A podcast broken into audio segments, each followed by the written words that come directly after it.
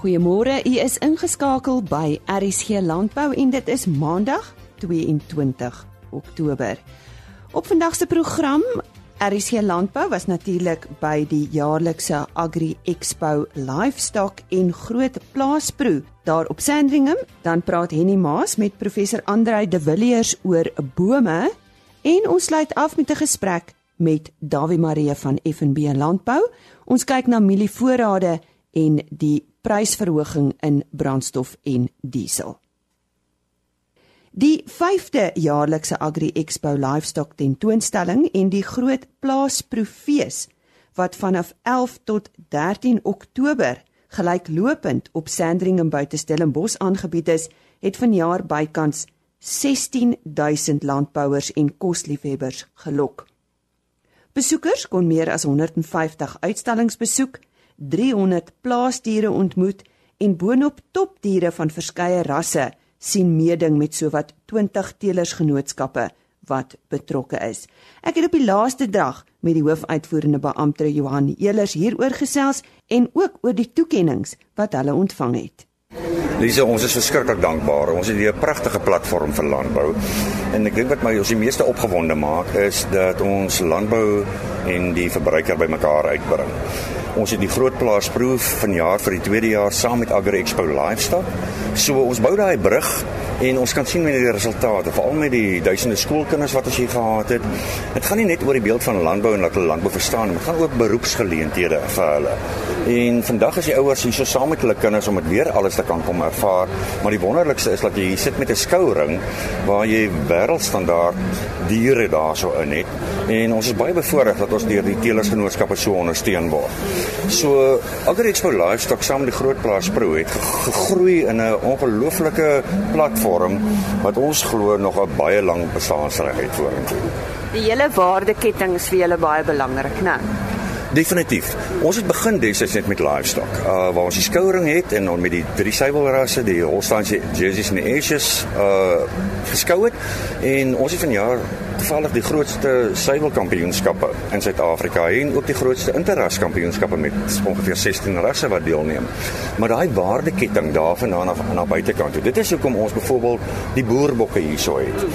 Jy leer oor die boerbokke, maar langsaan koop jy sy choppie en jy eet sy bors. Ons het die angoras hierso, ons het die merinos kinders sien hulle, hulle speel met die lammetjies of hulle kan aan die lammetjie vat en op die ou ende is dit die kleure. So dit gaan oor die ware ketting dat hulle landbou kan verstaan en ons besef dat daar is definitief harde werk daaraan, maar die vrugte word gepluk. Nou die vrugte wat gepluk word is 'n wonderlike toekenning wat jy ook ontvang het.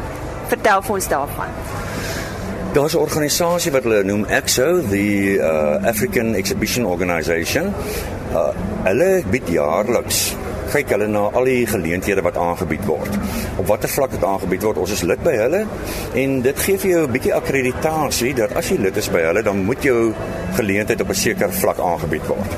En dan hou hulle 'n uh, kompetisie en ons het baie bevoorreg gewees om vanjaar vir die Agri Expo Livestock en die Groot Plaas Pro die prys te kry vir die beste handel en verbruikersuitstalling in Afrika deur hulle. Die wonderlike daarvan is dat dit beoordeel word deur ander event organisers, mense wat binne in die bedryf is. En nie noodwendig van Suid-Afrika nie. Nie noodwendig van ja. Suid-Afrika nie. So dat dit 'n Afrika ene is en dat dit vir handel en die verbruiker is. En dit is vir ons baie belangrik, want dit is presies wat ons hier probeer doen. Ons het die handel hier en ons het die verbruiker hier, so ons bring hulle twee bymekaar. En vanjaar se Kaasfees, daar het julle ook 'n pluimpie gekry. Definitief, dit was so twee met een slag geweest want ons het ook by die Kaasfees was spesifiek dan net op die verbruiker gefokus, het ons die toekenning gekry as beste verbruikersuitstalling groter as 12000 vierkante meter in Afrika. Nou, hoe verbeter mens op iets waarvoor jy al klaar soveel eer en lof gekry het? Dit gaan oor jy luister na wat sê mense. Dis vir ons baie belangrik. Wat sê ons teelers wat hier so is? Wat sê die verbruiker wat hier so is? Ons is 'n ongelooflike span by Agri Expo. Um, en ek dink dit maak 'n baie baie groot verskil. Dit gaan nie net dis nie net 'n werk nie. Dis 'n passie, dis 'n passie na landbou toe en ons probeer verstaan en luister en daarom gaan sit ons en ons gaan tik die boksies soos hulle sê, ons gaan kyk waar kan ons hom beter maak. Nou toe RSG landbou vir die kaas feesie so was, was ons nog midde die droogte en kyk wat se veranderinge net 'n paar maande. Julle seker ook bly daaroor. Ons is regtig geseënd. Dit is vir ons wonderlik, maar wat tog bly is daai bewustheid van waar ons was met die droogte. En ons ervaar dit hier ook met die gesels daar by die departement landbou se uitstallers met klomp kinders en so aan. Almal is nog bewus van die 50 liter wat ons moet gebruik hier in die Wes-Kaap en ek dink dit is baie goed dat dit so aangaan. Dit is gevestig hier by ons, maar ons is geseënd met wonderlike reën die afgelope tyd. Wat gebeur nog hierdie jaar vir julle Johan? Dis ons is uh, nou op pad na die Statebond se landboukongres toe einde van die maand waar ons gaan aankondig amptelik daarso dat die 2022 Statebond se landboukongres deur Agri Expo in Suid-Afrika in Kaapstad aangebied gaan word. Dit is 'n gaan 'n hoogtepunt vir ons almal wees. Wanneer is dit in 2022? Dit sal middel November wees aan die einde van die jaar. En ons glo dit gaan 'n fantastiese geleentheid wees. Maar ons het lekker 4 jaar om hard daaraan te werk. En dit is baie naby aan hierdie geleentheid, so julle gaan albei nog steeds aanbied. Definitief. Ja. En ons wil probeer om te kyk of daar nie geleenthede is want ons wil landbou in Suid-Afrika ook vir die state van ons verteenwoordigers wys. So watter geleenthede gaan daar vir ons wees en wat gaan ons nuut skep om dit te kan doen vir hulle? Dit was aan die hoofuitvoerende beampte van Agri Expo Johan Elers. 'n Bietjie later in die program gesels ek met 'n besoeker wat daar was vanaf Italië. Hy is 'n fitter en klipper. Nou jy moet ingeskakel bly vir daardie onderhoud. Sy werk is om vee voor te berei vir skou. Die haardroër, die haarsproei en alles word uitgehaal om hierdie koei mooi te laat lyk. Nou eers oor na Henny Maas. Hier is nou weer uh, veilingnuus. VB Veldmasters se tweede produksieveiling vind op die 24ste Oktober plaas by die Stella Veilingskompleks Vryburg. 20 Veldmaster bulle en 120 oop verse word opgeveil deur Noord-Kaap Lewende Hawe. Janie Esterhuizen is die afslaer. HP Bonsmaras en Hankol Simmentaler aandeelveiling vind op die 24ste ook plaas by Twyfelhoek Slurry Noordwes. Bonsmara bulle, dit is 20 SP Bonsmara bulle, 10 SP uh, Simmentaler bulle en 250 koeie en kalvers, asook 200 dragtige verse word opgeveil deur Karoo Oos. Teens Visser is die afslaer.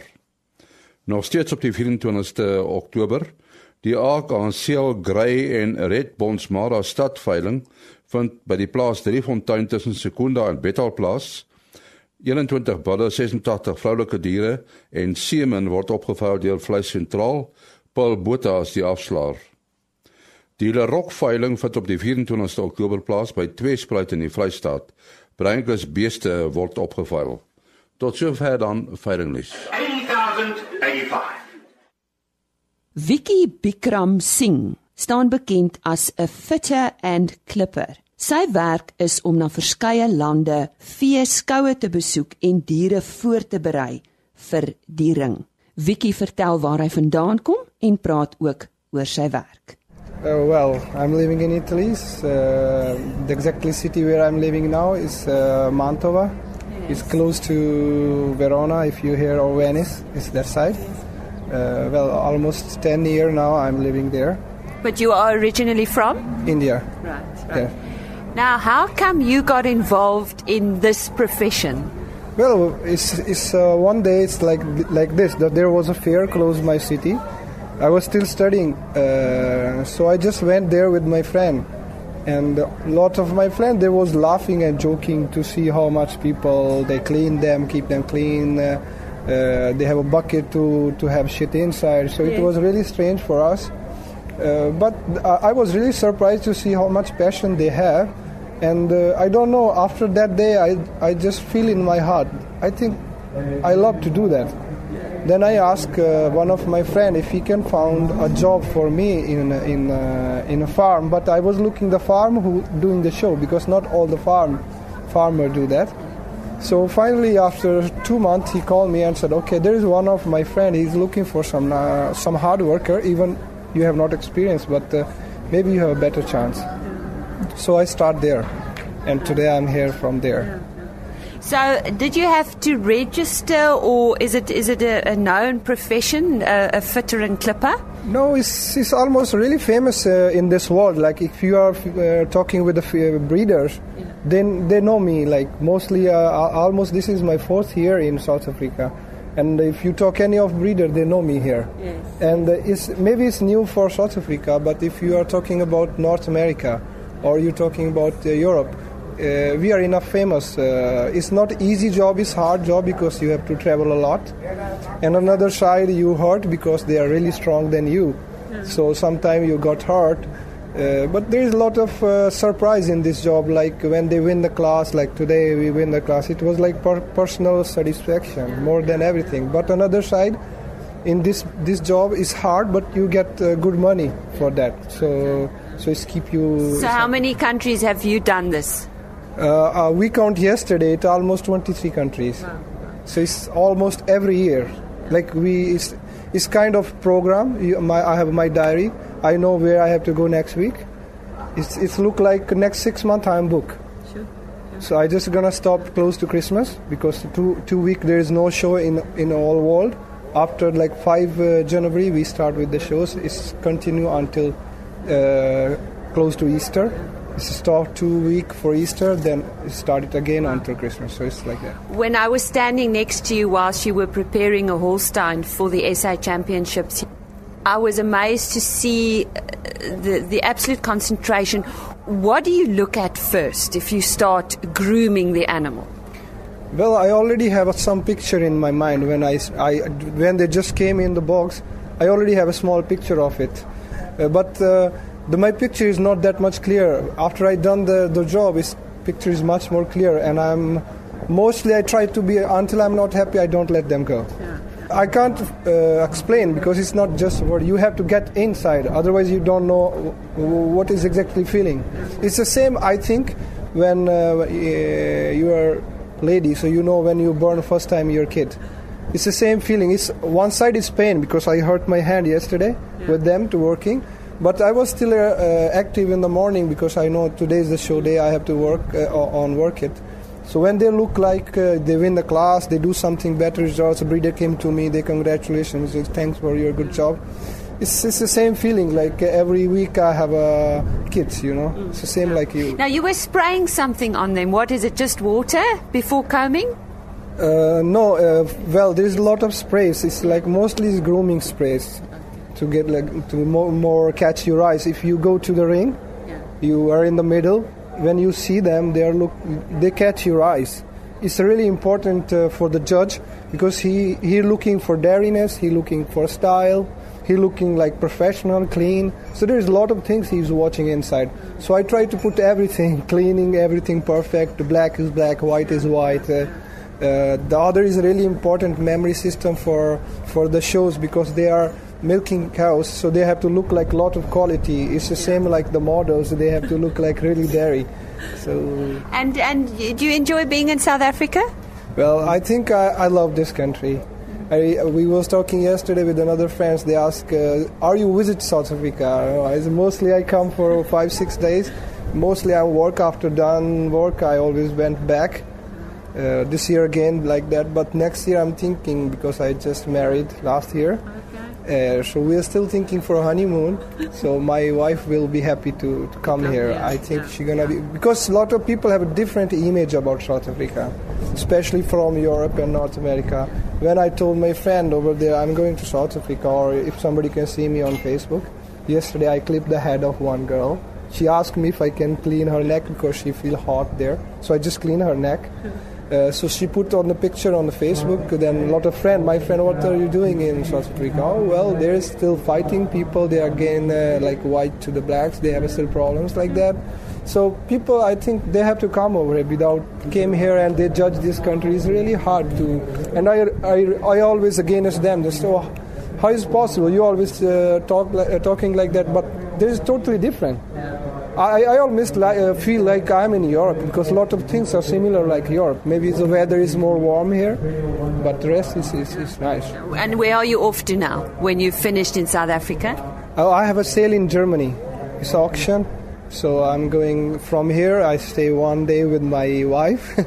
I hope she's. I'm. I, I'm sure she's gonna be happy because it's long, two months. I'm continue one show to another show, and after that I have to fly to Luxembourg. That's a close to par- uh, small country close to Germany. And the auction is just close between Luxembourg and uh, Germany. So I'm gonna stay there. S- s- continue after that. We have a national show in Italy. After that, I, I have to go in Colombia. So it's continue until uh, there's a lot of countries. Oh, good luck. Thank you. Die stem daarvan Vicky Bikram Singh. Hy is daar van Italië en was onlangs by die Agri Expo Livestock waar hy uh, verskeie beeste voorberei het vir die skouring en onder andere toe ek daar by hom gestaan het, het hy 'n pragtige Holstein koei voorberei. En die maas en professor Andre de Villiers gesels nou oor bome. Professor de Villiers was 'n skeikundige by die destydse departement landbou, 'n tegno-ekonoom by die Wetenskaplike en Nywerheidsnavorsingsraad en 'n professor in strategiese bestuur aan die Universiteit van Pretoria. Hy is nou 'n aktiewe dendroloog en betrokke by die opwindende kampioenboomprojek. Henny Maas het hier in die ateljee met hom gesels. Andre, wat, wat presies is 'n uh, dendroloog? Dendron beteken in Grieks 'n boom. Ons as lede van die dendrologiese vereniging spits ons toe op die oordrag van kennis oor bome en die bewaring van bome in die algemeen. Ons inheemse bome is egter ons hooffokus.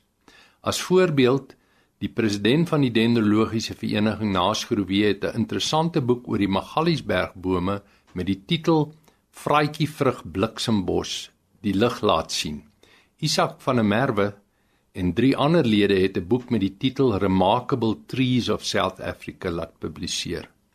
Naledi Uitgewery het onlangs my eie roman met die titel Die Heimat projek gepubliseer. Daarin word ook heelwat oor ons wonderlike land en ook ons bome geskryf. Om egter daadwerklik ons boomerfenis te bewaar, is 'n projek wat in 2004 begin is om ons kampioenbome te bewaar. So so wat behels die kampioenboomprojek dan?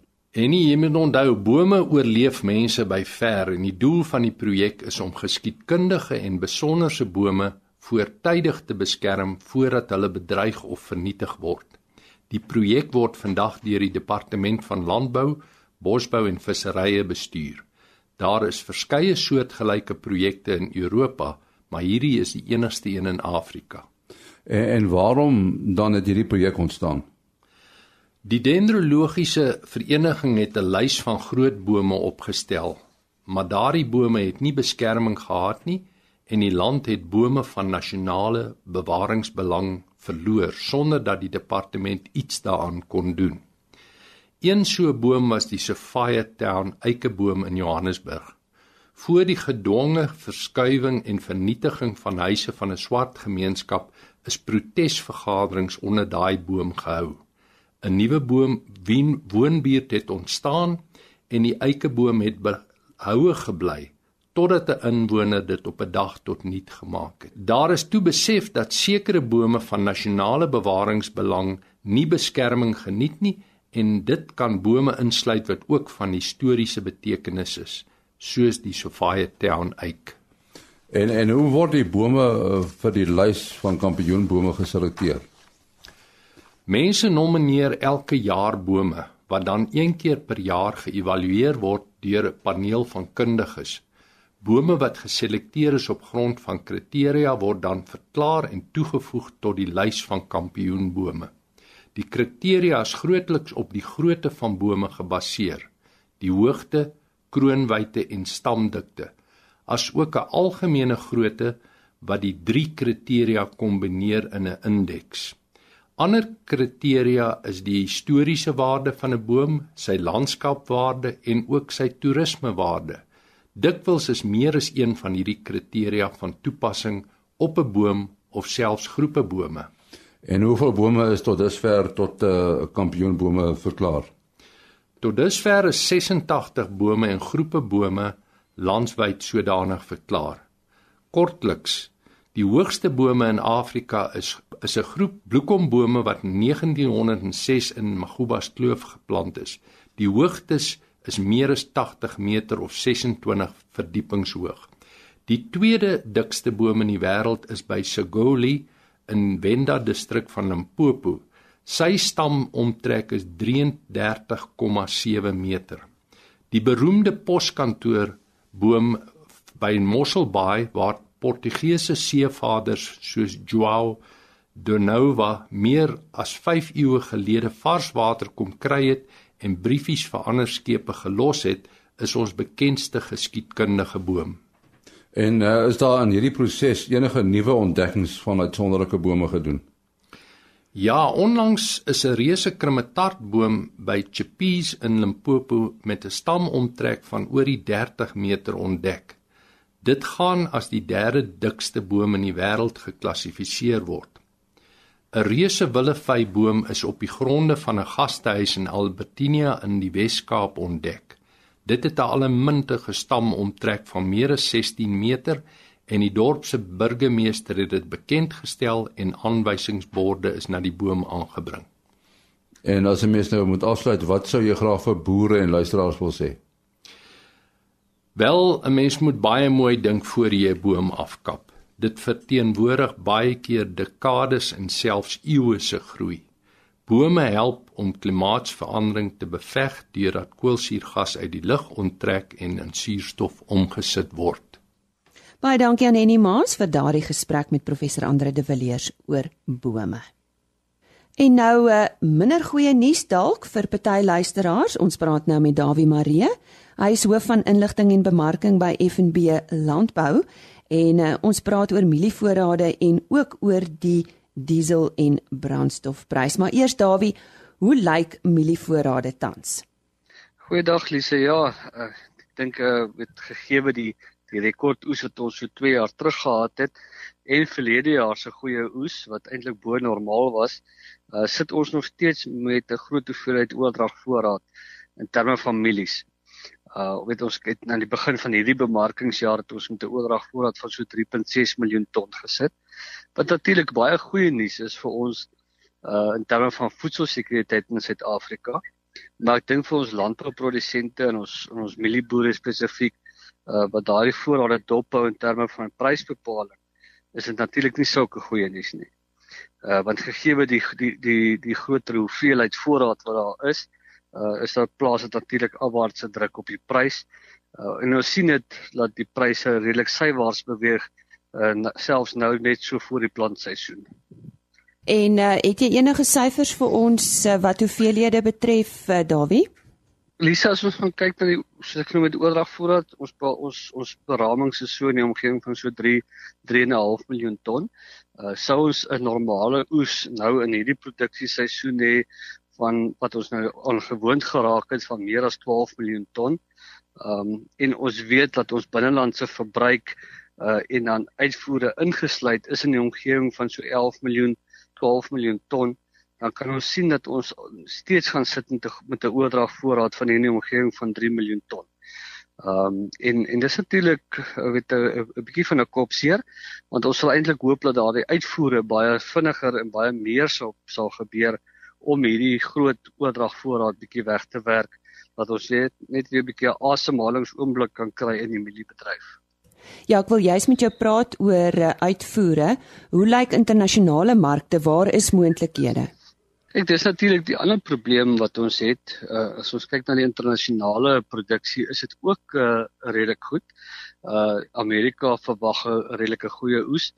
Uh so daar is nie regtig uh hoop dat ons laat ons sterk prysstygings van Amerika af gaan sien nie. Uh en in in terme van ons plaaslike mielies wat ons moet uitvoer, uh hoe voer ons nog steeds so saaklik uit na Afrika lande, ons buurlande.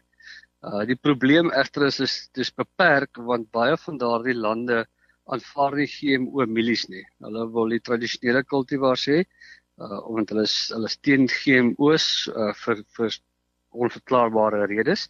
Uh wat natuurlik die goeie nuus is vir ons nie. So ons moet kyk na ander alternatiewe na diepsee uh uh geleenthede en dan praat ons van Mexiko en dan natuurlik die Verre Ooste, China wat wat nou alreeds vir ons oop is maar daardie potensiaal word nog nie werklik ontgin op 'n groot mate nie.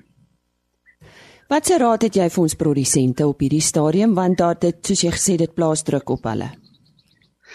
Dis ja, soos ek nou met Nelly prys dink ek gaan gaan definitief sywaarts beweeg vir die afsienbare toekoms. Uh en dan daarmee saam is die koste knyptang word al hoe groter want insetkoste styg. Uh met die stygings die laaste paar maande in die in die, in die olieprys uh is natuurlik brandstofpryse uh weet bo aan ons gedagtes maar ons vergeet baie keer van die effek wat die stygings in in Brent olie op kunsmispryse en chemikalieë het want beide daai produkte is is uh nuwe nuwe produkte van die olieproses. Uh so daai stygings in daai twee insetkoste is net so geweldig. En dit plaas natuurlik die die produsent onder druk wanneer hy 'n stabiele prys het, maar sy insetkoste styg aanhoudend. Uh, as ons kyk na die onderverhaling in die middel van die van van die maand op die brandstofprys, dan is diesel as ons kyk na na, na plaas diesel spesifiek, uh, dan praat ons van hier in die omgewing van so 65 sent wat hy onderverhaal is. Nou afhangende van wat gebeur met die wisselkoers vir die res van die maand en natuurlik die olieprys, kan ons definitief nog 'n stygings verwag. Nou die olieprys lyk vir my is daar opwaartse druk. Die wisselkoers beweeg daar 'n bietjie in 'n in 'n positiewe rigting, maar die twee balanseer mekaar nog nie uit nie. Ehm um, en daarom kan ons definitief in, in November natuurlik nou nog 'n prysverhoging verwag. Daar is sprake dat die regering 'n uh, 'n perk wil plaas op brandstofpryse, maar ek dink nie dit is lanktermyn volhoubaar indien hulle dit sou wou doen nie. Ek het daar selfs met Dawie Marie hoof van inligting en bemarking by FNB Landbou. Voor ek groet, een van die hoogtepunte tydens 'n feesskou is gewoonlik die skeer van skape en dit is aangebied by die Agri Expo Livestock deur BKB. Talle leerdlinge van verskeie skole het hierdie demonstrasies bygewoon en ek het na afloop van een van die demonstrasies met twee leerdlinge van 'n laerskool gesels. Kom ons begin sommer by jou. Wat is jou naam? My naam is Ou September. En in watter skool is jy? Laerskool Drakensberg. En uh, hoe oud is jy? Watter graad? Ek is graad 6, ek is 12 jaar oud. Is dit nou die eerste keer wat jy hierso is by Livestock? Ja, dan. En wat het julle nou net gesien? Ons het nou gesien hoe die mense die skaap se wol afsny. En as jy nou moet vir mense vertel wat het jy nou die meeste van gehou hierso by hierdie skeer van die wol? Wat sal jy sê is dit? Dus um, as die skaap wou wegkom. Um, dus as die man die skaap sny en dan wil hy nie meer hê man moet hom sny nie en dan wil hy wegkom. En wat is jou naam? My naam is Morgan Paxton. Ja. Morgan, watter graad is jy? Ek is in graad 6 en ek is 12 jaar oud. En as jy nou moet sê wat was nou vir jou die hoogtepunt van hierdie wolgeskeerdery, wat sou dit wees? Ehm um, dit was die tegniek wat die oom gebruik het. En het jy al ooit so iets beleef? Nee, dan nie. en dink jy jy wil dalk eendag 'n boer word? Ja, baie graag. Wil jy? Ja. Kom jy van die plaas af? Ehm um, ek kom van Hamlet af, maar ehm um, jare um, ons was so ons was nog nie op 'n plaas want ons het nie ons het nie lank genoeg daar gebly om 'n plaas te besit nie, maar ek het op 'n plaas gebly toe ek klein was. En wat wil jy nou eendag doen? Het jy al gedink? Ek wil eendag 'n onderwyser word dan nie. Ooh, en watter vakke wil jy gee? Ehm um, Afrikaans, wiskunde en Engels. Ja. En dink jy sal volgende jaar so 'n bietjie weer uh, wil kom kyk wat hier aangaan? Ja, tannie. Ja. Nou ja, dit was Zoe September en Morgan Paxton van Laerskool Drakensberg wat ons vertel het van hulle ervaring nadat die skape deur BKB geskeer is. Kom ons gesels vinnig oor môreoggend se program. Ek het by die Agri Expo Livestock met uh, Hannes Pretorius van SA Holsteins oor hierdie kampioenskappe wat daar plaasgevind het gesels en ook 'n internasionale beoordelaar vanaf Kanada. Hy het vir ons terugvoer gegee oor die standaard van ons Holsteins en ook waaraan daar gewerk kan word. So, onthou môreoggend in te skakel vir nog RC landbou nuus. Dit is Alise Roberts wat groet. Tot môreoggend. Totsiens. RSG Landbou is 'n produksie van Plaas Media. Produksieregisseur Henny Maas. Aanbieding Lise Roberts. En inhoudskoördineerder Jolandi Root.